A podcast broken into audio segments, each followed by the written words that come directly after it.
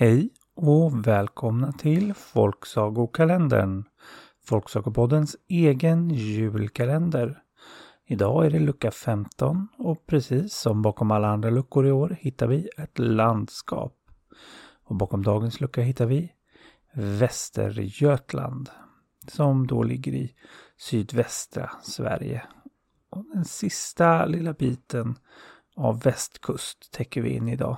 För andra delen av Göteborg, den som inte ligger i Bohuslän, ligger i Västergötland. Och förutom Göteborg hittar vi här städer som Skara, Borås, Mölndal och Ulricehamn. Landskapsblomman det är ljung och landskapsdjuret det är tranan. Och en saga från Västergötland hör ni här. Det var en gång en mycket rik bonddotter som också var väldigt, väldigt närsynt. Och det visste alla runt omkring och därför hade bonddottern förblivit ogift fastän hon var så rik. Och så kunde man inte ha det på den här tiden. Så hon ville hemskt gärna bli gift. Så när någon från en annan socken plötsligt hörde av sig och friade sa hon genast ja. Och när han skulle komma för att besöka henne gjorde hon allt för att han inte skulle tro att hon var så där närsynt. Ute i boden på gården där de hade vävstolen bad hon sin mor lägga fram alla de finaste tygerna de hade som hon skulle påstå att hon hade vävt själv.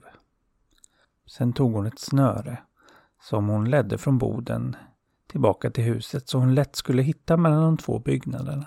Vilket hon annars hade svårt med eftersom hon såg så dåligt. Därefter skickade hon en piga till bagaren som skulle köpa det finaste brödet som hon skulle påstå att hon själv hade bakat. Och till slut, för att verkligen övertyga sin blivande fästman om att hon såg riktigt bra, tog hon en synål som hon stack in i väggen på ett ställe som hon visste exakt var det var. Så hon skulle kunna hitta den och han skulle förstå hur fantastiskt bra hon såg. Sen gick hon och la sig. Och dagen efter så kom fästmannen. Och om han var stilig, ja det kunde hon ju inte riktigt se, men han lät i alla fall snäll på rösten. Och verkade tycka hon var grann också, och framförallt tyckte han den stora gården var grann. Och snabbt skrev hon till verket och hittade den lilla synålen och sa Åh, jag tror jag ser något där och så tog hon ut den. Och han blev mycket riktigt väldigt imponerad. Det var svårt att se en liten synål. Han hade aldrig hittat den själv och kanske hade tricket fungerat om hon inte hade vänt sig om och snubblat över den stora kökssoffan som ju vem som helst kunde se. Nåja, hon hade ju fler saker planerade. Hon skulle servera sitt goda hembakta bröd som hon köpt åt bagaren dagen innan och bad eh, fästmannen sätta sig ner vid bordet. Men då fick hon se något där.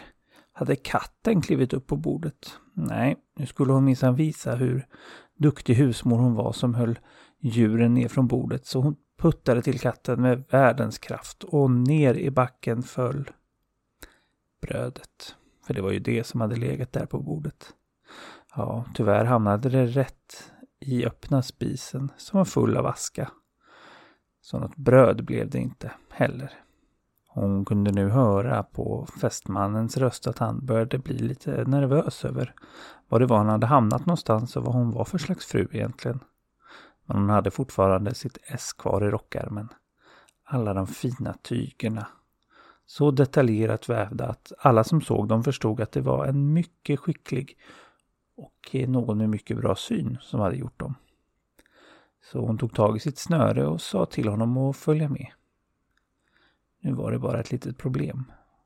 Några av drängarna på gården var lite skojfriska av sig och hade flyttat snöret från boten till utedasset.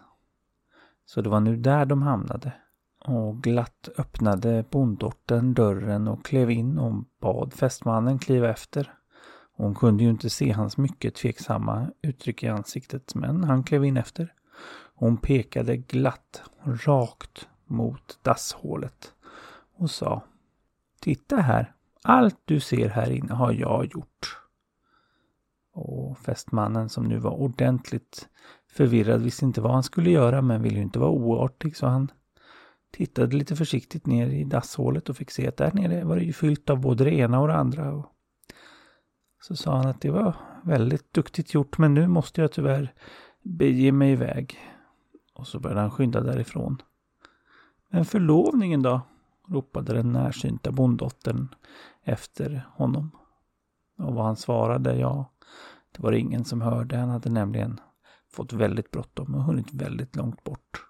Och om bonddottern någonsin lyckades få sig en man, eller ett par glasögon, ja, det vet jag faktiskt inte. はっはあ。